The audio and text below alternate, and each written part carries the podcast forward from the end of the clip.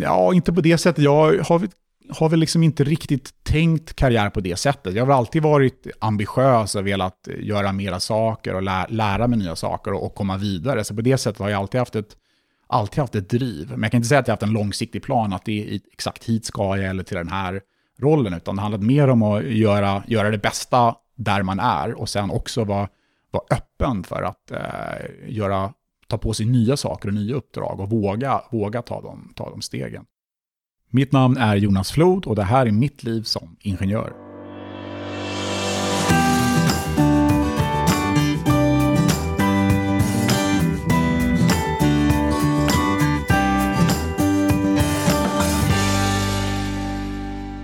Varmt välkommen till Mitt liv som ingenjör. Efter ett litet uppehåll är vi nu tillbaka för att varje vecka träffa intressanta ingenjörer med stor variation och inspiration till din nuvarande eller framtida karriär. Jag heter Andreas och som vanligt har jag sällskap av en gäst. Denna vecka ingen annan än Jonas Flod. Jonas tog sina första steg mot ingenjörslivet på KTH där han pluggade maskinteknik och industriell ekonomi. Studierna på KTH varvade han med ekonomi, juridik och det något otippade ämnet journalistik. När det var dags att söka jobb letade han efter branscher som kändes heta och det är någonting som har följt med i hela karriären. Från första jobbet på Ericsson gick resan via London och tillbaka till Stockholm för att ansluta till Spotify-grundaren Martin Lorentzons Trade Doubler. Sex år senare jobbade en produktfokuserad Jonas på Videoplaza och efter ett uppköp för en halv miljard kronor gick flyttlasset till Silicon Valley, där Jonas bor än idag. Hur kommer det då sig att Jonas karriär har utvecklat sig som den har gjort? Enligt honom själv så är en nyckel att vara öppen för nya utmaningar. En annan är att inte vara rädd för att hoppa ner ett pinnhål i karriärstegen och börja om någon annanstans. Och att göra det bästa där man är. I avsnittet pratar vi också om att bygga upp en erfarenhetsbank. Produktutveckling i Sverige och Silicon Valley. Journalistikens lärdomar för ingenjörskapet och lärorika motgångar. Med det bagaget och väldigt mycket mer framför oss så säger jag välkommen till Jonas Flod. Tack så mycket. Eller kanske, det är kanske du som ska säga välkommen. Vi sitter ju hemma hos, hos dig ja. i Menlo Park. Yes, välkommen till Menlo Park. Tack. Vad är det för typ av område då? Det är, ja, det är ett område, ganska, i Silicon Valley är det väl ett, ett av de äldre områdena. Det är närheten till Stanford-området. Eh, det är här, precis runt hörnan här, ligger många av de stora VC-bolagen på Sand, Sand Hill Road, eh, där de här mest kända Greylock Partners och andra som har investerat i många av de här stora, stora bolagen från början ligger här i Menlo Park. Längst bort i andra ändan av Menlo Park har Facebook sitt stora huvudkontor. Eh, mm. Så det ligger verkligen i hjärtat av, av Silicon Valley. Ja. Och vi kommer ju prata lite grann om, om Silicon Valley. Det känns oundvikligt när, när vi är här och du jobbar här. Men om vi börjar långt innan det. Vem, vem är du? Vem är jag? Bra, bra fråga. Det var en stor, stor fråga. Eh, Eh, så mitt namn är, Jonas Flod. Eh, jag ehm, bor som sagt här i Silicon Valley. Jag har fru och tre barn. Uppväxt eh, utanför Stockholm i, i Danderyd. Ehm, akademiker, familj. Ehm, Ja, körde skolan på, hade ganska lätt för mig i skolan, gjorde mycket sport och umgicks med kompisar. Så det var, det var väl liksom min, min, min grund. Och i slutet av skolan, eller grundskolan, så gick jag natur i, på Danderyds gymnasium. Eh, och det var, en, eh, var det väl för det var en ganska bred, bred utbildning med stor möjlighet att göra eh, alla möjliga olika delar efter det. Mm. Hade ganska lätt i matte och fysik och alla de ämnena. Så, att, eh, så det var en naturlig, naturlig liksom sätt att, att hålla alla, alla dörrar öppna. Ja. Ehm. När visste du att du ville bli ingenjör då? Var det, liksom, var det någonting du skulle bli? Nej, det kan jag inte säga, utan det var väl just det. Jag höll, jag höll, höll allting brett och egentligen så har jag väl, tror jag, aldrig riktigt definierat mig som ingenjör på det sättet. Liksom. Det var eh, tanken. Min, min morfar, han var civil, civilingenjör och eh, jobbade mycket med så byggnadsfrågor och sådär. Och det var liksom den klassiska bilden av, av ingenjör. Jag tänkte nog aldrig liksom i, i banan av, av ordet ingenjör. Jag ja. tänkte mig liksom att teknik var intressant, tänkt mig att, att eh, den här typen av ämnen intresserade mig och, eh, och också liksom det som hände runt om i samhället med liksom mer baserat på teknik. Så det var mer en, en utbildningsväg och ett typ av ämnen som jag var intresserad för än att, än att definiera mig som ingenjör. Mm. Eh, jag sa det även till min, till min fru här innan, att jag ska vara med i podden Mitt liv som ingenjör. Och det känns lite så här, lite, lite liksom annorlunda. Ja, mm. men det blev i alla fall en ingenjörsutbildning. Yes. På KTH. Ja. Industriell ekonomi. Industriell ekonomi. Så egentligen då började eh, två år på maskin och sen som industriell eh, ekonomi som inriktning, högre kurs de sista två åren, två och ett halvt åren. Då. Okay. Så det var så som industriell ekonomi funkade på min tid då, när jag började 90, 92. Och eh, det var, jag slutade gymnasiet, gjorde, gjorde lumpen som de flesta gjorde där ganska direkt efter. Och sen spenderade jag ett år i Barcelona egentligen och läste spanska och, och, och reste och, och sådär. Och eh, under den tiden så zoomade jag in på vad jag skulle göra. Och då var ju valet, som sagt, inte kanske direkt liksom, jag ska bli ingenjör, utan det var liksom att eh, teknik eh, och den typen av saker passade mig både, både ämnesmässigt eh, och jag tyckte att de frågorna var intresserade, intressanta. Samtidigt måste jag säga att jag, när jag var i Barcelona funderade jag också på medicin, så min, min, det var ganska öppet länge i, i, vart, vart jag skulle på det sättet. Ja. Men hur var du som student på KTH? Uh, som det, jag tycker skillnaden är när man, jag kommer ju från Stockholm och jag läste i Stockholm. Så självklart hade jag ganska stort umgänge redan på plats runt omkring från min, från min uppväxt och, och andra kompisar som gjorde helt andra saker. Så jag lärde känna många nya kompisar på KTH, men jag var väl aldrig eh, jätteinblandad i kårlivet och, och nollningen och sådär. Utan vi, vi var där, vi var på barerna och, och lärde känna varandra och, och studerade ihop, men, men var inte så aktiv på, på, på KTH och de delar som var där. Eh, jag hade mycket på sidan, gjorde mina sporter, hade mina kompisar och, och, och sådär sättet. Så på det sättet blev det mer ett normalt studentliv än kanske om du flyttar till Lund eller Uppsala eller, mm. eller liknande. Um, och det passade mig delvis bra, men jag skulle också, om jag skulle gjort om det, skulle jag nog absolut funderat på, på Uppsala, Lund eller, eller liknande, just för att få en mer, mer liksom, eh, fokuserad studentupplevelse på det sättet. Ja. Men Försökte du så här bredda din kompetens på något sätt eller var det, var det studierna som var det stora fokuset? Eh, alltså jag, jag läste ju på KTH och sen så parallellt läste jag juridik eh, på universitetet, lite introduktionskurser. Eh, jag gick en, en del enstaka kurser på Handels, eh, läste lite journalistik. Så att, så att hela tiden så, jag gjorde ju utbildningen då enligt, enligt, enligt plan, men, mm. men läste även andra grejer. Så jag var mer liksom både nyfiken akademiskt och på, an, på andra områden som kanske eh, så jag gjorde. Eh, och sen så hade jag mina, mina hobbysar från, från början då, spelade basket och, och allt det som jag höll i under hela studieperioden. Inga extra jobb och så? Eh, inte, inte under jag som, sommarjobbade ju då eh, för, för praktiken och så, men, mm. men, men jobbade inte så eh, löpande under tiden. Praktik, var det någonting man skulle ha i utbildningen då? Eller? Ja, precis. Det ingick att man skulle ha, jag kommer inte ihåg, 17 veckors jobb som var på något sätt relaterat till, till liksom utbildningen. Okay.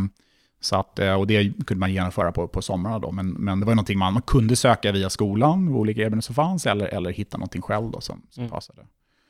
Um, och för min del så blev det, jag försökte kombinera det med att, att resa. Så att uh, en sommar var jag i Spanien och jobbade eh, på, på eh, en farmacia, eh, en läkemedelsfabrik där. En annan sommar var jag i North Carolina i USA och, och jobbade. Så jag försökte kombinera en, en, resa och få se nya saker med, med praktik.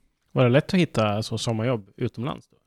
Det var inte så lätt, utan jag hade kontakter via, via mina föräldrar och kollegor och sådär, ja. så man fick använda det på det sättet. Det var inte så det var inte anordnat så att man fick hjälp att hitta sommarjobb, eh, utan det fick man försöka privat. Då.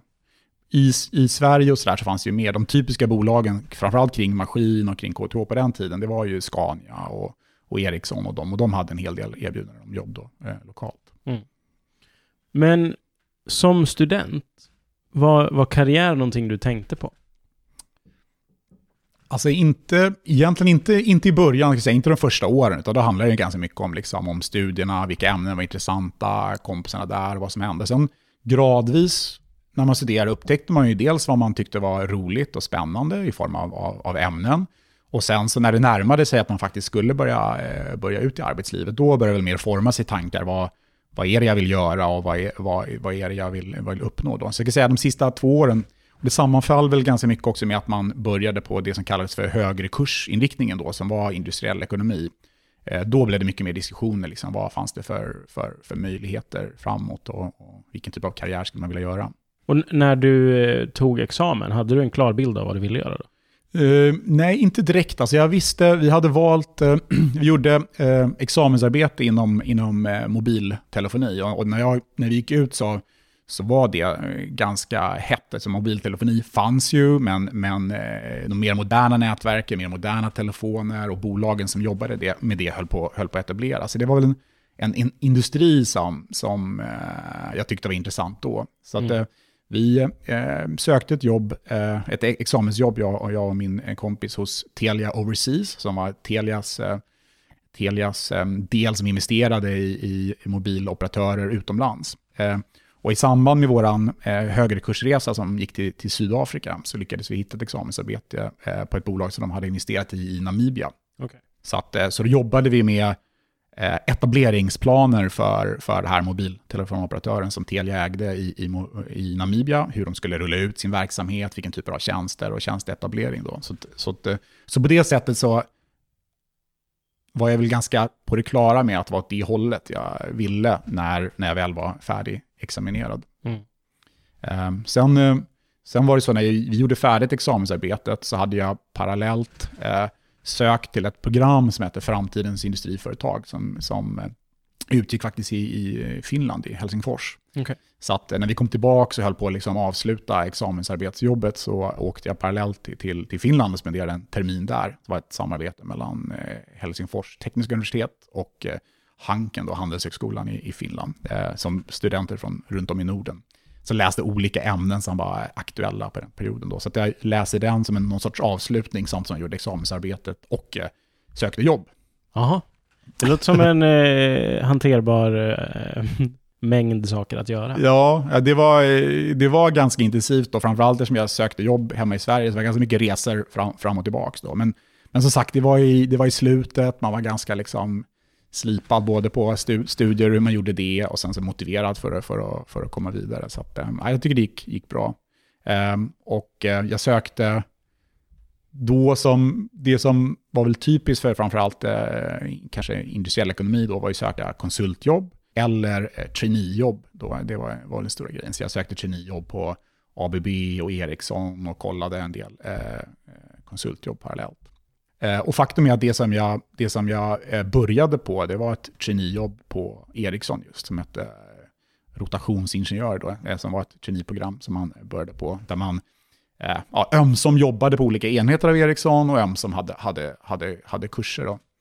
Mm. Um, och där, jag var på det programmet i cirka ett halvår. Um, men jag tyckte att det, eftersom jag hade studerat rätt länge, jag hade rest innan, jag hade gjort lumpen så där, så jag kände att jag var lite sugen på att ta tag i några uppgifter på riktigt. Och som traineeprogrammet var upplagt då var det rätt mycket liksom, ytterligare studier kring Ericsson och små kurser i projektledning och sådär. Så att det var, kändes som att det aldrig riktigt eh, drog igång då. Så att under perioden så valde jag att, att gå vidare och lämna traineeprogrammet och börja då på, på en, en en konsultinriktad enhet på Ericsson som jobbade med, med eh, etablering av, av eh, mobiloperatörer i nya länder och, och licens, licens, söka licenser för, för mobiloperatörer. Eh. Mm.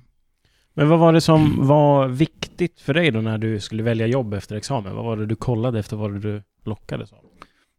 Ehm, som jag var inne på tidigare så var det nog relativt mycket liksom, eh, att hitta en, en industri som, som kändes eh, het och intressant och det skedde liksom både marknads och, och teknikutveckling. Mm. Och, så att, ehm, så att, och då, det var väl eh, två, två delar det. det liksom internet, ekonomin höll, var ju precis i sin linda då. Ehm, och sen så det andra var liksom egentligen mobil, mobilsidan och mobiltelefoni. Då. Så, att, så det var väl däremellan eh, Eh, valde. Och eh, det fanns fler bolag då på, på mobilsidan som etablerade och Sverige hade ju som sagt en ganska bra position där med både Ericsson och, och an, andra intressanta bolag runt det. Så, så det var väl egentligen en, en industri. Eh, och sen så sökte jag ju en, en, typ av jobb som också var rätt breda, där jag kunde liksom lära mig mera då, både traineeutbildningen och sen konsultdelen är ju ett sätt att man får lära sig en industri och, och, och se på många olika delar av ett företag relativt snabbt. Men om vi, om vi försöker snabbspola då från från Ericsson, som var liksom det första jobbet efter examen, till där du är idag. Hur, hur har det sett ut? Har det funnits något tema? Liksom? Vad, vad har du gjort? Ja, mitt huvudsakliga tema har egentligen varit att eh, dels vara öppen för nya, nya utmaningar och sen så har jag försökt, eh, som jag varit inne på, att eh, hitta intressanta industrier och intressanta områden som jag har, har velat, velat jobba med. Så började då med, med eh, mobiltelefoni och konsulting kring det, Ericsson. Eh, och eh, jobbade vidare med det även, även in på Orange. Flyttade till London i fyra år och jobbade med, med mobiltelefoni-relaterade frågor där. På Orange började jag även jobba en hel del med produktutveckling och nya produkter kring mobiltelefoni. Då. Allt som inte är vanliga voice. Så det, så det, det, det var intressant. Eh, och på Orange hade vi även en del internetverksamhet, Wanadoo och så. Och på Orange lärde jag känna eh, personer som jobbade på, på Tradedoubler hemma, som var det, det var det nya då, internetdelen. Så då mm. kände jag att det var spännande att, eh, att eh, kunna gå vidare och eh, jobba med e-commerce och internetrelaterade frågor på, på, på Tradedoubler. Så jag flyttade hem och jobbade med det ett antal år.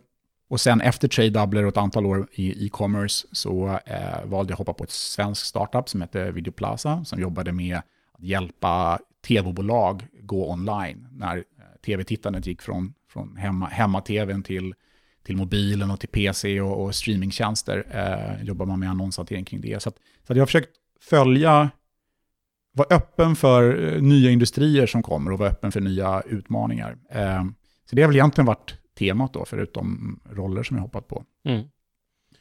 Har du liksom varit nära produkt de senaste åren? Ja, produkt och produktutveckling har väl varit huvudtemat kan man säga de sista 10-15 åren. Och det började egentligen där, där på Orange, eh, där vi hade en produktverksamhet baserad i London som, som jobbade med att hitta nya produktkoncept för mobiloperatörer, för att hitta lite revenue som inte kom från, från voice-sidan, utan kolla på sms, kolla på e-mail i telefonen, kolla på allt det som är supernaturligt idag, men ja. hur kan man få mer revenue från det då? Så där började väl produktresan. Och sen på, när jag började på Tradedoubler så eh, blev jag ansvarig för ett eh, produktområde eh, som var ganska nytt då först, eh, som hette Paper Call. Tradedoubler jobbade ju med att ha massa små publicister som i ett nätverk, som eh, å ena sidan. Å andra sidan hjälpte man stora e-commerce-bolag som, som eh, kan man säga, Dell som sålde datorer eller lastminute.com som sålde resor. Eh, så de kunde erbjuda de här olika publicisterna att, att eh, eh marknadsföra deras tjänster på sina sidor. Och sen så hanterade Tradedoubler nätverk däremellan och commission som de lyckades sälja något. Eh, och jag öppnade en ny produkt som handlade om finansiella, finansiella tjänster, eh, där man även, förutom e-commerce, kunde driva samtal till, till, eh, till callcenter. Så jag började med att driva upp det och det gick väldigt bra. Och sen fick jag ganska snabbt eh, ehm, eh, erbjudande om att ta över eh, hela produktorganisationen på Tradedoubler, som då både var det här affiliate-nätverket för e-commerce, ett kampanjnätverk med display advertising på, på olika ställen, eh, eh, den här paper call-produkten och även en licensiering där vi licensierade ut tekniken till större bolag som, som vill göra egna, egna affiliate-nätverk. Då. Mm. Um, så att um, så gick vidare på det och sen, eh, ja, så jag, då, då var det mer en produktstrategi, hur jobbar vi tvärs över de här, eh, de här områdena? Eh, och även, även kring produktutveckling och, och blev ansvarig för, för ingenjörsorganisationen där. Ja.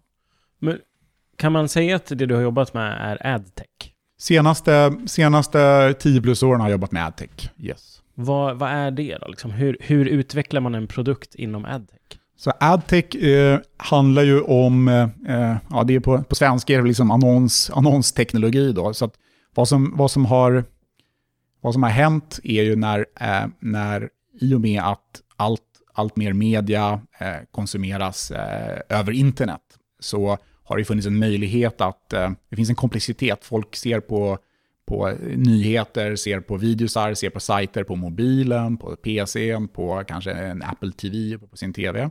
Så att eh, det finns en komplexitet att folk konsumerar media på massa olika sätt.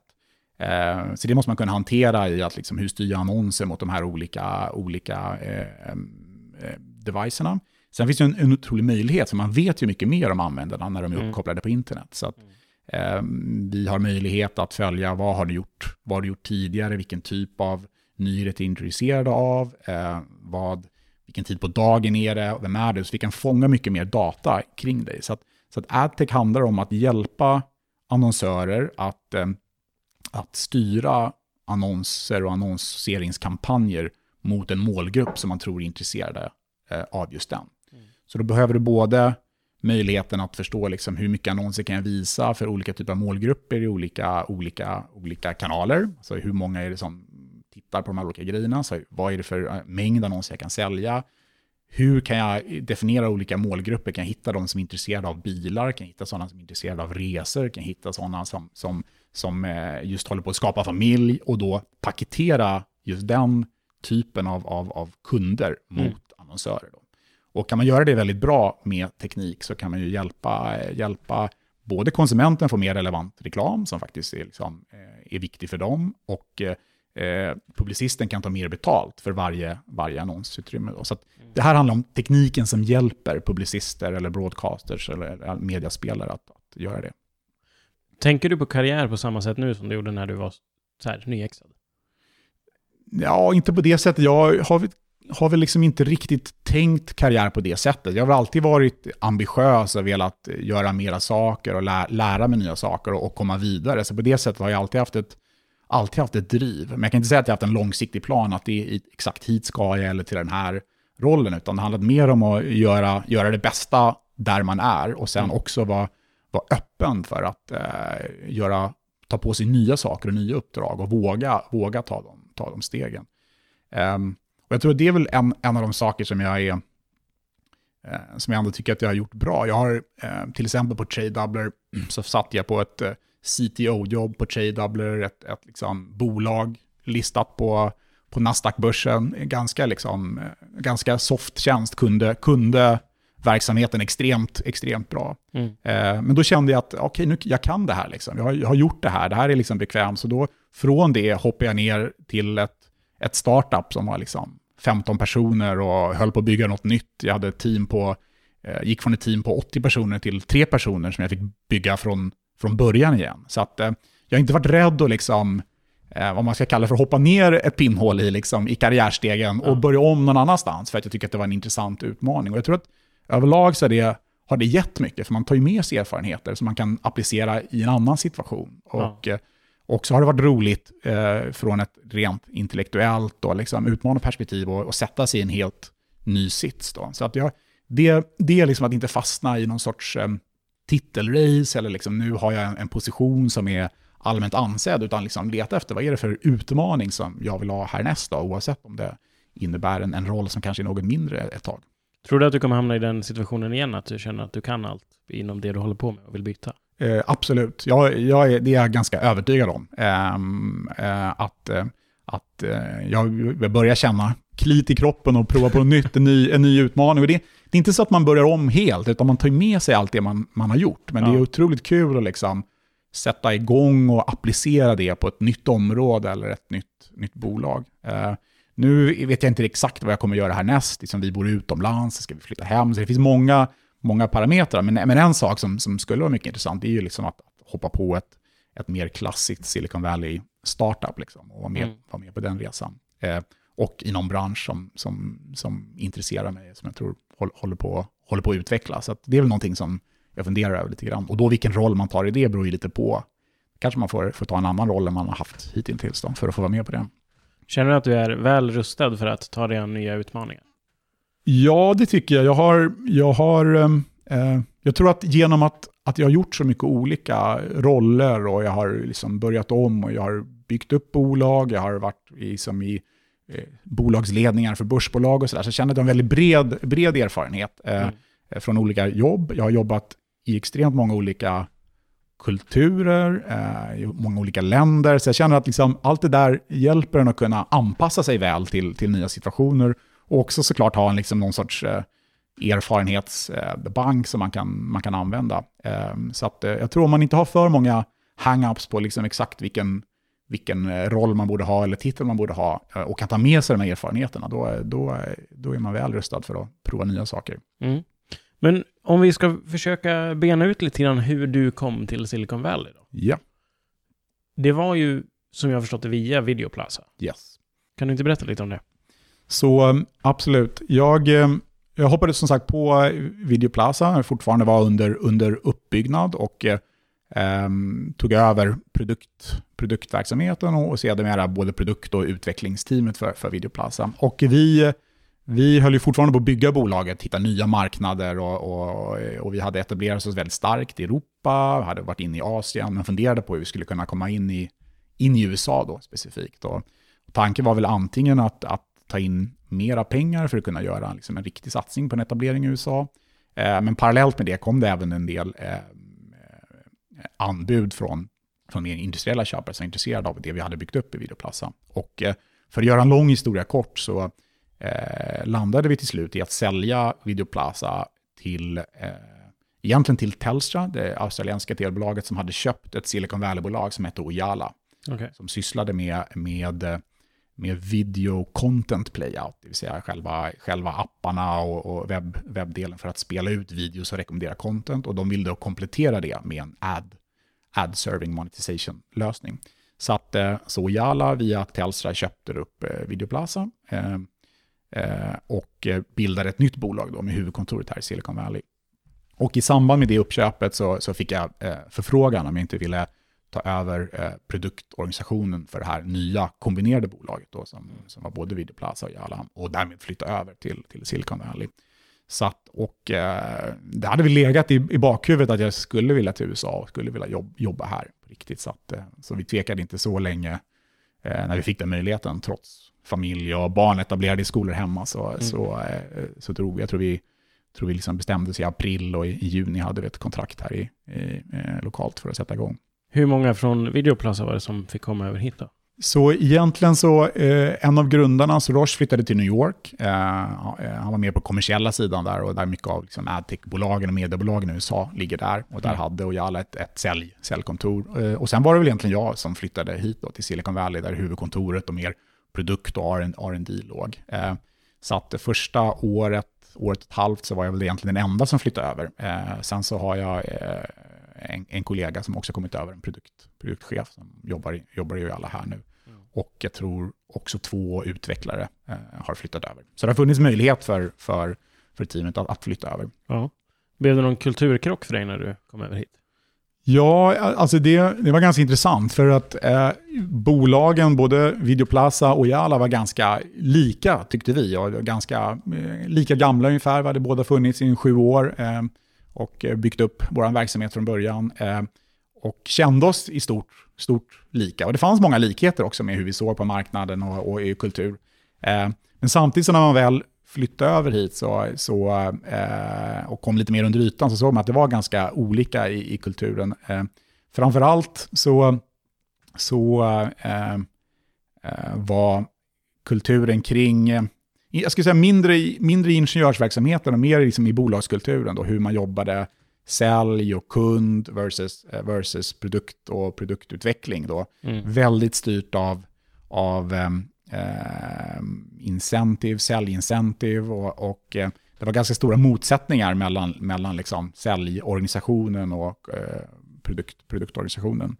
Eh, man jobbade med, med långa fasta mål och eh, ja, det var, det, var ganska, det var rätt stora skillnader ändå. Nu när du har varit här ett tag, upplever du några svårigheter med liksom, att vara svensk ingenjör och komma hit och etablera sig? Alltså för min, min roll, jag kom ju hit och tog över, tog över ett team eh, och eh, skulle både, både integrera det team som vi redan hade i Sverige. Vi köpte sen även ett bolag som var baserat i London. Så det var ett team i Stockholm, ett team i London, här i, i Silicon Valley och dessutom fanns det redan ett utvecklingsteam i Dallas också, i, i Ojala. Så det var fyra olika liksom, eh, center som mm. hade lite olika kulturer. Jobbade agilt och jobbade liksom med moderna utvecklingssätt, då, men, men, men, men på olika sätt. Så det, det, det, det var väl en utmaning att börja liksom få teamen att prata med varandra, hitta samma sätt att styra och leda arbetet. Eh, en annan stor utmaning var ju att rekrytera här lokalt. Det är när man kommer till en ny marknad eh, och med, med, med, nya typer av, av talanger så är också, man måste lära sig vad, vad betyder skolorna, hur, hur, hur utvärderar man en kandidat? Eh, det finns ju, här har, har vi ju kandidater från alla olika kulturer. Du har mm. liksom indier från de bästa universiteten som har varit på Stanford. Du har liksom amerikanerna som är extremt eh, framåt och väldigt duktiga på att kommunicera. Och hur utvärderar man liksom, eh, i snabba jobbintervjuer, vilka som passar för vilken roll och när man har lärt sig liksom någonting i en viss kultur. Så det ska jag säga, det tog en lång tid också att hitta, hitta rätt i rekryteringar och hur, hur man jobbar med det.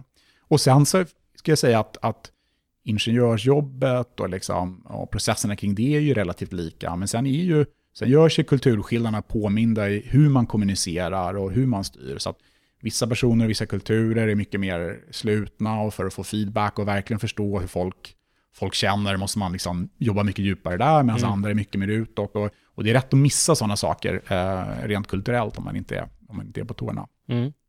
Men du nämnde innan att här, när, när erbjudandet kom om att flyga över hit så, så här, det är klart det, det ska funka med, med det praktiska, men ja. det var ändå någonting du hade tänkt på ett tag. Vad var det som lockade med att komma hit och jobba?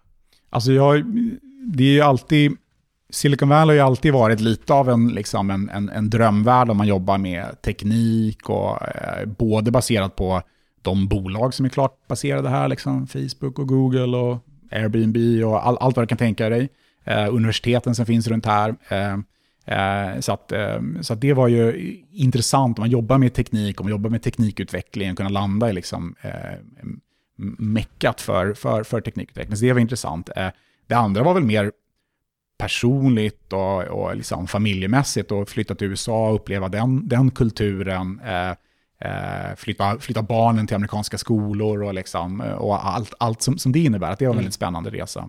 Och det tredje såklart att bo, bo i, ett, i Kalifornien som har bra, bra väder, härlig natur. Liksom. Alltså mycket liksom, med det som var, som var intressant också. Ja. Så det var en mix. Men hade du liksom en, en, bild av vad Silicon Valley skulle vara innan du kom hit? Och har den förändrats? Eller har den visat sig vara annorlunda? Eh, jag kan säga innan det var bara några år innan som jag egentligen hade varit här några gånger och, och jobbat och sådär. Och innan jag överhuvudtaget hade varit här, då hade jag ganska, en ganska annorlunda bild av, av Silicon Valley. Liksom både, både hur det skulle se ut rent fysiskt och, liksom, ja. och, och, och, och, hur det skulle vara. Eh, så att, eh, så och den, den har ju gradvis ändrats under tiden eh, som, som jag har varit här. Eh, min bild var ju liksom att det skulle vara mycket mer liksom, industriellt, mycket mer liksom, eh, eh, en stad, mycket liksom hårdare. Så här. Och, och tank, grejen är ju att Silicon Valley är som en stor, stor, stor, lång förort rent geografiskt. Och man mm. bor väldigt utspritt. De här stora bolagen ligger ju liksom eh, utlagda mitt i, mitt i det här förortslandskapet någonstans. Det är, ja. väldigt, det är väldigt annorlunda rent. Och, och livsstilen är väldigt annorlunda. Man bor ju, liksom, eh, man bor ju mitt ibland både företag och små, små centrum, men men i villakvarter liksom. Och hur, hur, man, hur man bor här är ju väldigt, väldigt annorlunda än, än hemma egentligen, där man mer har en stad, stad sovstadsupplägg liksom. Ja, jag, jag underskattade nog, alltså rent så här, hur utbredd Silicon Valley är. Alltså att ja. så här, jag tänkte att ja, men det ligger väldigt nära San Francisco och sen är det liksom centrerat någonstans. Men det ligger ju alla de här små städerna bredvid varandra, liksom helt, hela vägen mellan San Jose till, till San Francisco egentligen. Verkligen, och det var väl också när vi flyttade hit, då var ju tanken att ja, vi ska bo i San Francisco såklart. Det fick man ju inse rätt. Vårt kontor eh, då låg från början i Santa Clara, nu ligger det i San Jose som är södra delen av, av dalen. Och, och mm. däremellan är det ju liksom det är en, en, timme om det inte är någon trafik och det är betydligt, betydligt mer med trafik. Så att, så att man får verkligen välja om man ska bo. Eh, eh, och ärlighetens namn så är vi kanske inne i San Francisco, om det inte är för jobbet, så är vi inne där kanske högst en gång, en gång i månaden, då, även om man bor en halvtimme utanför. Mm. Men det är också så att alla de här städerna emellan då, Menlo Park, Palo Alto eh, och San Jose, det är ju, det är ju riktiga städer som, som har mycket stort, stort ut, utbud. Ja. Inte städer som, som vi ser det, men det finns mycket restauranger, det finns mycket som händer ja. i de här områdena. Då. Så att, eh, så att nej, det, är, det är en annorlunda livsstil. Mm. Men om vi då inte bara fokuserar på Silicon Valley, utan att jobba internationellt överlag, för det verkar vara någonting som som du har gjort en hel del, både liksom, under studietiden och eh, varit iväg på utbyte, utbildat dig eh, utomlands också, som vi inte har pratat om så mycket. Mm. Men vad har, liksom, vad har varit drivkraften till det, att komma iväg utomlands?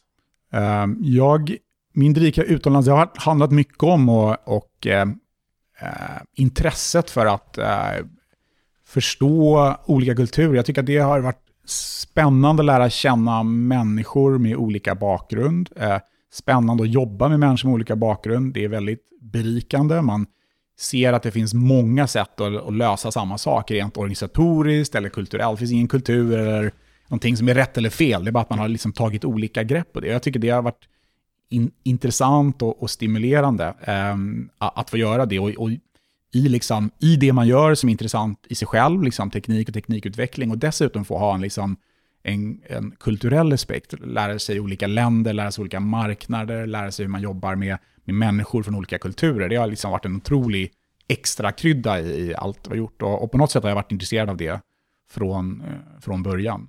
Har det varit viktigt var du skulle åka, eller var det bara så här, ny kultur oavsett? Ja, egentligen inte, utan det, är, det är såklart att um, det finns ju, det är inte alla länder på jorden som har intressanta bolag som ligger i framkant på, på teknik och sådär. Så, så då, då, blir det ju, då blir det ju liksom viss begränsning i urvalet som sagt. Och, um, så jag har varit i London, London är ju typisk hubb för, för, för, för många bolag och där mm. många personer kommer från runt världen och får jobba, det samlas mycket, mycket talang. Eh, Silicon Valley ett annat. Så att du har naturligt blivit, blivit mer baserat på det, att det är där det har funnits intressanta jobbutmaningar kom, kombinerat med, med, med att få, få resa och se nya saker. Sen från de här hubbarna har jag ju rest mycket i, i jobbet, eh, eh mer specifikt har varit i, varit i andra länder och andra delar. Om, om du skulle få ägna lite tid åt självreflektion då? Vad tror du har varit framgångsfaktorer i, i din karriär som du har gjort? Vad tror du har gjort att du är där du är idag? Uh, för min del så tror jag har handlat ganska mycket om, om den här öppenheten som jag haft. Eh, jag tror att jag har använt den både, både i jobbet, liksom, att kunna se, se olika aspekter på ett problem. Att produkt, produkt och produktledning handlar ganska mycket om att förstå kunden, förstå liksom ingenjörsdelen, förstå tekniken och kunna se samma problem från massa olika håll och olika aspekter och då komma, komma fram med bra lösningar. Eh, så att jag tror det, det liksom har varit öppen för nya utmaningar, öppen att se saker från olika perspektiv. Eh, har varit en, en av grunderna. Och sen att jag haft en liksom, vilja att hela tiden utvecklas och, och, gå vidare och lära mig nya saker och prova nya utmaningar. Jag tror den, den, det liksom kliet, eller man ska kalla för, det, det är de två sakerna tror jag, som har, har drivit mig framåt. i alla Mm. Har du jobbat mycket eller har du hållit dig till 40 timmars vecka? Jag har jobbat mycket i perioder. Ehm, eh, det har framförallt i mina jobb i början så var det mycket och mycket resor och det var, eh, jag var i, under formelstiden så var jag i Spanien i tre veckor i sträck och jobbade på projekt och sådär. Så det var en period som det var väldigt, väldigt mycket jobb. Eh, sen i samband med, och det gjorde mig inte så mycket heller, jag hade inte familj och, och så på det sättet, så jag tyckte det var, det var kul och det var en livsstil delvis då. Ehm, Sen på senare tid med familj och sådär så blir det ju såklart viktigare med, med balansen. Eh, att göra andra saker också, ha tid med familjen och, och sådär. Och det tycker jag har lyckats med. Det är fortfarande perioder där det är väldigt mycket jobb, men sen är det perioder där jag kan vara väldigt flexibel och jobba hemifrån och vara med på, på aktiviteter och sådär. Så, att, så att gradvis har jag hittat en bättre och bättre balans. Då. Men, men jag tycker att även mitt behov av balans har förändrats eh, under åren eh, i samband med familj och, och, och så. Vad är att ha balans då? Att ha balans handlar ju om, eh, ja, det är mycket är det ju en, en inre, inre känsla. Liksom. Man vill ju hinna med, hinna med sina, sina nära och kära och finnas, finnas, finnas där. Och, och, ibland är det svårt om man inte är där, om man jobbar jättemycket och aldrig är där, då vet man inte riktigt vad man, vad man missar. Så, att, så att jag tror att ge sig tiden och faktiskt vara med och, och för, förstå vad det är. Sen handlar det mycket om, för mig inte så hur mycket timmar jag jobbar, jag kan gärna jobba liksom en, en söndagkväll eller sätta ihop en prestation där och då. Liksom. Men att att kunna styra det själv, så jag kan vara med på de viktiga sakerna för familjen, samt som jag kan liksom styra när jag lägger ner mina timmar mer på jobbet. Det, har, det är åtminstone en viktig faktor för att skapa balans. För jag tror det handlar inte bara om att exakt så här många timmar, utan det handlar om att kunna liksom anpassa jobbet lite kring livshändelser och vad som händer med barn och annat. Det är mycket mer värt för mig att kunna komma hem lite tidigt och vara med på en eftermiddag och lite aktiviteter. Och mm. sen mm jobba igen då när, när på, på kvällen när, när eh, barnen sover eller, gör läxor igen. Då. Det, ju, det, spelar inte roll att jag lägger ner så mycket timmar, men att jag kan ha flexibiliteten och vara med dem. Så jag tror att det, åtminstone det som skapar balans tycker jag. Identifierar du dig mycket med vad du gör? Liksom är, är ditt jobb, är det en del av vem du är? Delvis inte. Alltså jag tror att inte kanske jobbet eller, eller titeln eller, eller så, men självklart så, så väljer man ju liksom... Jag har ju valt jobb som också har, har inneburit liksom ganska stora förändringar för, för familj och för annat. Så det är klart att när man låter jobbet flytta en tvärs över jordklotet i Kalifornien så, så definierar det en på ett sätt. Man följer jobbet till nya utmaningar. Då, så att, så att eh, jag skulle säga delvis, inte, inte titeln och, och jag pratar, pratar inte mycket med liksom nära vänner och sådär om jobb hela tiden, utan mycket andra, mycket andra intressen. Men, men, men däremot så de val man har gjort har ju ändå skap, kring jobbet har ju ändå både lett en till nya länder och till olika erfarenheter. Så att indirekt skulle jag säga. Ja, men, inte, men, men det är inte så att jag är, jag är liksom eh, han som jobbar med adtech på, på Jala för kompisar och, och sånt. Det, det, inte i första rummet då. Nej, du har, du har annat också som, som du är mer. Verkligen, ja. Men om vi, om vi liksom försöker zona in på vad du faktiskt gör idag då. Vad, vad gör du? Hur ser en vanlig torsdag ut? Så eh, just nu har jag, har jag gått från att leda den här globala produktorganisationen till att ta en, eh, en roll som affärsområdeschef för, för eh, vår adtech-division. Då. Så det innebär eh, produktutveckling och rd teamet och det vi som driver plattformen, men också för, för account management och sälj, så hela, hela liksom affärsområdesdelen. Så att för mig nu handlar det ganska mycket om, eh, om, om möten, om eh, sätta, sätta planer, eh, följa upp med viktiga kunder. Eh, så en typisk, typisk morgon börjar med en, en avstämning eh, mot Stockholm. Vi har fortfarande ett ganska stort kontor i Stockholm med 60 personer och de, de eh, så typiskt vid 7.38 min tid så är det en bra tid att synka med, med teamet hemma. Mm. Hur, eh, hur, går, hur ser product roadmappen ut? Har vi några issues med att leverera mot commitments som vi har gjort? Eh, personalfrågor eh, eh, är ofta, ofta på tapeten, rekrytering, ersättning och där. Och sen så jobbar jag mer mot kommersiella biten, jobbar med account-teamet och liksom hur ser, hur ser eh, har vi några viktiga quarterly business reviews med några viktiga kunder, vad är status på, på eh, säljpipelines och sånt där. Så egentligen mycket möten eh, och agera och sätta planer och directions. Och sen såklart eh, medverka i Ojalas ledningsgrupp då kring rapportera vad vi behöver, vad vi behöver för resurser, vad vi behöver hjälp för att flytta roadblocks och, och, och så. Så det är ganska mycket en, en ledningsmanagement-uppdrag eh, nu för tiden. Då. Mm. Men om vi, om vi går tillbaka till, till dina studier. Och kanske då, ja, du läste liksom ingenjörsstudier, men du breddade ju också på åt många håll, på handels och med juridik och journalistik.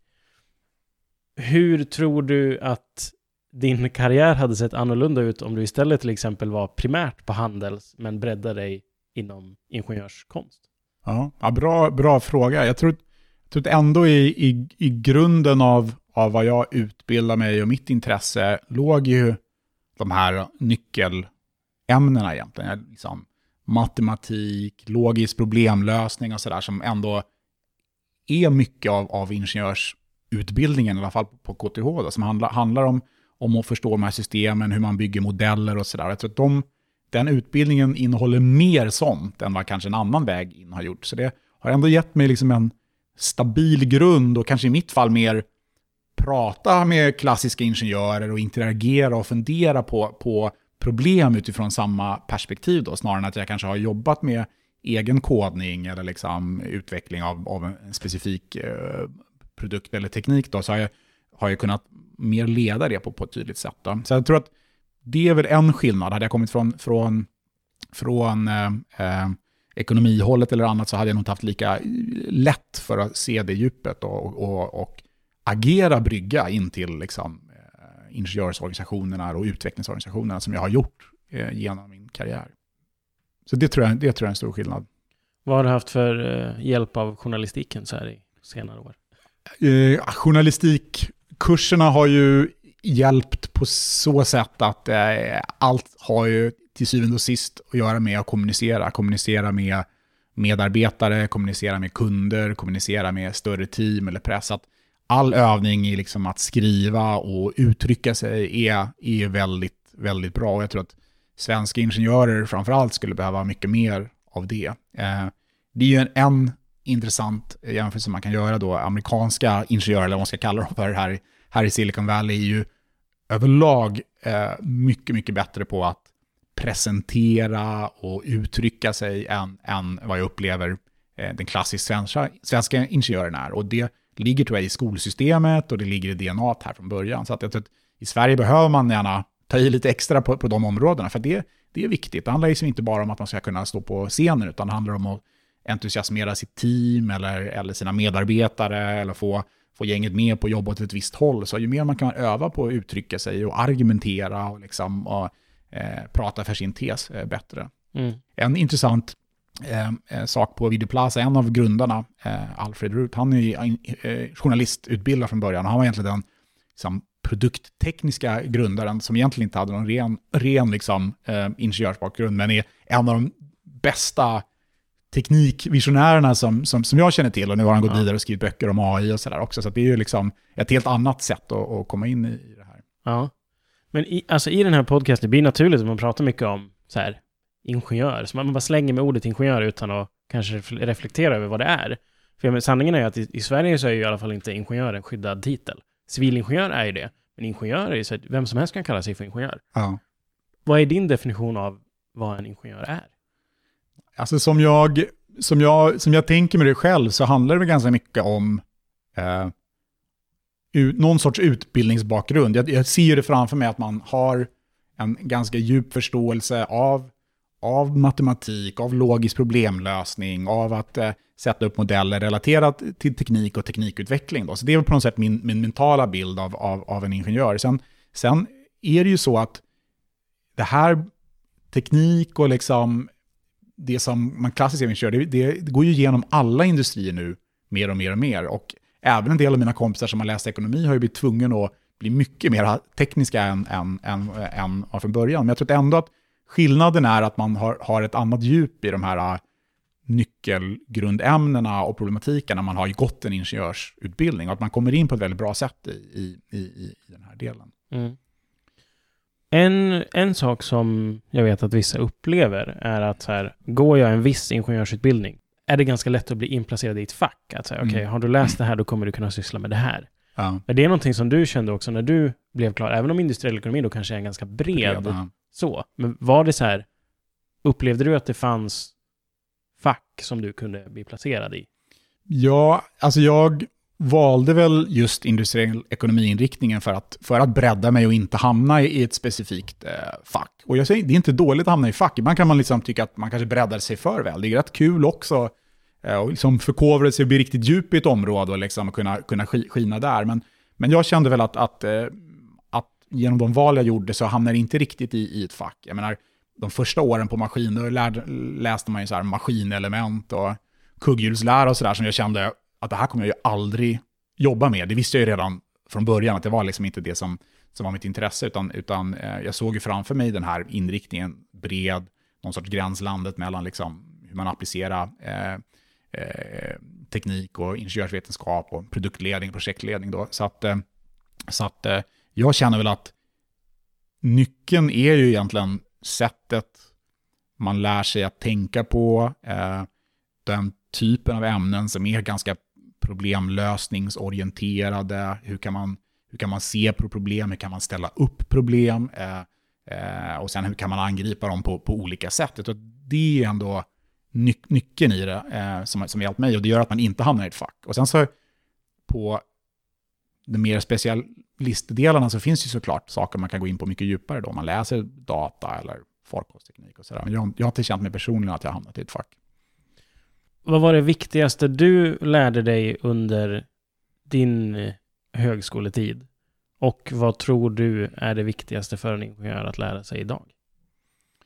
För min del var det garanterat eh, sättet att, att, eh, att lösa problem, sättet att eh, eh kunna, kunna angripa en utmaning på olika sätt och få med mig olika modeller och, och tankesätt. Eh, eh, kring det. Så jag tror det var, det var väldigt viktigt. Och, eh, och jag tror liksom i, i, i mycket handlar det om det. Eh, men det beror lite på vad man vill göra och vilken karriär man tänker sig. Liksom. Vi, jag har jobbat mycket med mjukvaruutveckling och liksom produktledning för mjukvaruutveckling de allra senaste åren. Och det är klart att när vi rekryterar någon direkt från, från KTH, då handlar det ju såklart mycket om, om kodningskunskap. Vi gör kodtester och, och de handlar ju inte om att man är kanske jättebra på ett visst specifikt språk eller så, men det handlar ju också kring hur man tänker, hur löser man det här problemet då i, i, i, i, som i, i, i mjuk, mjukvaruvärlden. Då. Så, att, så att absolut behöver man ju liksom mer specialistkunskap och mer edge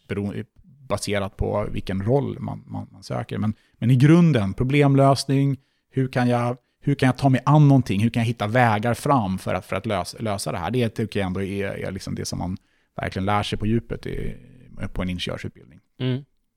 Det, det är väldigt lätt, eller jag kommer på mig själv ganska ofta med att tänka att man, först utbildar man sig. Mm. Man går liksom grundskolan och gymnasiet, allt det där. Och sen läser man på universitet. Och sen är det dags att börja jobba. Då är man liksom färdigutbildad ja. på något sätt. Men jag vill ju också tro att så kompetensutveckling sker ju kontinuerligt. Ja, absolut, det där tror jag är jätte, jätteviktigt. Och det är ju en, det är en av många anledningar att det är kul att vara här i, i Silicon Valley också. Att det finns så mycket forum och meetups och kompetens i många teknikområden. Så att, eh, för min del handlar det om eh, det handlar om kollegor, eh, att man lär sig, av, lär sig av varandra och tar sig an nya utmaningar på jobbet. Jag följer med liksom i industri, newsletters och andra liksom artiklar och white papers kring saker som händer. Jag är med på relevanta konferenser kring det. Och sen eh, ett personligt nätverk där man kanske lär sig om helt, helt an, andra saker. Jag har en kompis som är professor på Stanford i medicin, men de jobbar jättemycket med AI för de liksom har stora medicindatabaser och hittar mm. olika saker med det. Så man, man kan hitta inspiration och lära sig nya saker överallt om man är öppen och funderar på hur de här sakerna kan appliceras på sitt eh, problemområde. Så det tror jag är en Och det här poängen med att lära sig hela tiden, det tror jag är superviktigt. Och ibland kan man ju också kanske om man känner att man är liksom, har jobbat väldigt länge i ett område och liksom kan mycket av det, då, då kanske det är viktigt, som jag har gjort några gånger, att börja om lite grann i en annan situation eller liksom i, i ett annat typ av, sätta in sig i ett annat sammanhang för också liksom, ja, skaka loss eh, eh, tankarna igen då och, och, och, ta ytterligare ett steg. Mm. Ett, ett område som vi inte har berört så mycket, det är ju motgångar. Mm. Och sånt kan vara lärorikt Eh, kanske mer lärorikt än framgångar. Har du några motgångar som du känner har varit väldigt lärorika för dig? Eh, ja, det måste jag säga. Jag, jag eh, ehm, vi, eh, mitt, mitt andra jobb egentligen som var, eh, var Formers Communication, då, då startade vi upp en europeisk verksamhet för en amerikansk startup som var, eh, som var, eh, var mycket på gång. Jag tror vi tog in nästan 400 miljoner dollar för att bygga upp den här verksamheten. Eh, det gick väldigt bra, jag jobbade väldigt hårt. Jag var iväg och jobbade liksom i månader i sträck i olika länder för att dra upp den här verksamheten. Ehm, och, och sen ganska, ganska liksom, plötsligt så, så ändrades förutsättningarna för hur folk såg på den här typen av bolag och värderingen. Och vi var ju fortfarande i ett investeringsfas. Så att inom loppet av ett kvartal i stort sett så vände vi från liksom att vara på gång och liksom växer på alla marknader runt om i Europa till att eh, i stort sett hålla på att lägga ner verksamheten. Sålde våra respektive underbolag och, eh, och tre månader senare så hade vi gjort en, liksom, eh, en, en konkurs. Då. Så det, mm. det var ju en stor erfarenhet i både liksom hur, hur ett bolag byggs upp och vad det baseras på och hur snabbt det kan gå eh, att, eh, att förändra en sån, en sån, sån värdering. Och sen såklart personligt, då hamnar man ganska snabbt i, i ett nytt läge från att ha haft liksom en ljus karriär och en ganska hög position väldigt tidigt liksom, till att fundera om, vad gör, vad gör man nu då? Så att eh, det var väldigt, väldigt lärorikt, både för att jag fick göra mycket saker först, men också förstå hur, hur snabbt det kunde gå, gå, gå ut för. Mm. Jag tänker att vi går över på de här avslutande frågorna, faktiskt. Eh, det är några sådana som brukar vara återkommande, några som är, är nya varje gång. Ja. Men eh, jag tänker att jag kör igång, egentligen. Ja. Ditt eh, bästa minne från KTH? Bästa minne från KTH? Jag måste säga att det är nog det som jag har kallat högrekursen den här gången när vi fokuserade in på industriell ekonomi. Dels har vi ett väldigt tajt gäng som hade liksom lite samma tankar om, om, om framtiden. Och eh, vi drev ett, ett projekt ihop som, eh, som, eh, som mynnade ut i en resa till Sydafrika. Och både det här projektet, vi höll en vi drev ihop eh, en stor eh, konferens med talare. Vi, ja, vi drev massa projekt för att liksom samla ihop den här, inför den här resan som vi sen gjorde till, till Sydafrika ihop. Det var, det var en liksom, kul period, ehm, eh, både från ett projektperspektiv och massa kompisar. Mm. Hur viktigt är det med nätverk? Nätverk är viktigt. Det kan hjälpa en att se olika möjligheter och man kan få eh, hjälp på traven när man, har, när man, eh, när man letar efter, efter något eh, nytt. Eh, men för min del så tror jag att det är, har varit viktigare med ett, ett relativt så djupt nätverk än, än, än ett väldigt, väldigt brett. Men det beror också på lite grann vilka, vilka roller man söker sig till och, och vad man vill. Mm. Om pengar inte var en faktor, vad skulle du ägna dina dagar åt då?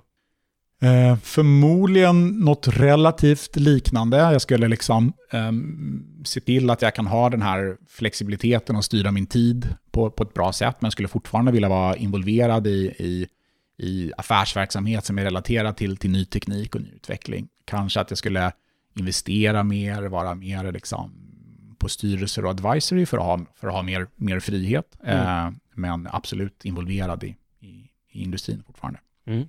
Vad vet du nu som du önskar att du visste som student? En, en sak som jag vet att, att många säger är att man inte ska ha för, för, för bråttom. Eh, jag eh, spenderade som sagt två år innan jag började på KTH, och sen gick jag färdigt det, men man har mycket tid och det finns inte någonting, det finns inte något nytt att stressa vidare till, utan liksom passa på och njut där du är, njut av att lära sig saker, njut av friheten som det är att vara, vara student. Eh, och låt det ta den tid som behövs för att hitta rätt och hitta det som man brinner för. Så att, så att se till att ta, se till att ta tid eh, i, i, valen. Det finns, ingenting, det finns ingenting att stressa till på det sättet. Om det är eh, någon som lyssnar nu som är lite nyfiken på en, eh, en karriär eller liksom att komma över till Silicon Valley och, och teststudera och vara här. Vad har du för tips till den? Ehm, jag tycker man, ett så ska man passa på när man studerar att, att utnyttja möjligheten att studera utomlands. Jag tror att eh, oavsett om det är i Silicon Valley eller någon annanstans så lär du mycket på det och, och eh, får en tidig bild av vad det kan vara. Sen om man vill aktivt söka sig mot, mot Silicon Valley så ska man ju titta på eh, branscher som är intressanta för Silicon Valley för, för att lära sig det. Just nu är det liksom AI och självkörande bilar och eh, allting som har att göra med det. Så man kan titta på bransch och sen så titta på, på bolag som har verksamhet här. Ett naturligt sätt att och flytta ut är att flytta med ett bolag där man först kanske jobbar ett tag i, i Sverige eller om man nu är baserad och sen har möjligheten att flytta med dem. Det kan ju vara någon av de stora konsultbolagen eller eh, en del startups som, som har intresse av att etablera sig här. Mm. Och om de som lyssnar bara tar med sig en lärdom från vårt samtal, vad vill du att det ska vara? Um, fastna inte, var, var öppen för nya utmaningar, var, var ambitiös, men, men se till att liksom ta chansen när den kommer. Härligt. Tack för att du har varit med. Tack så mycket.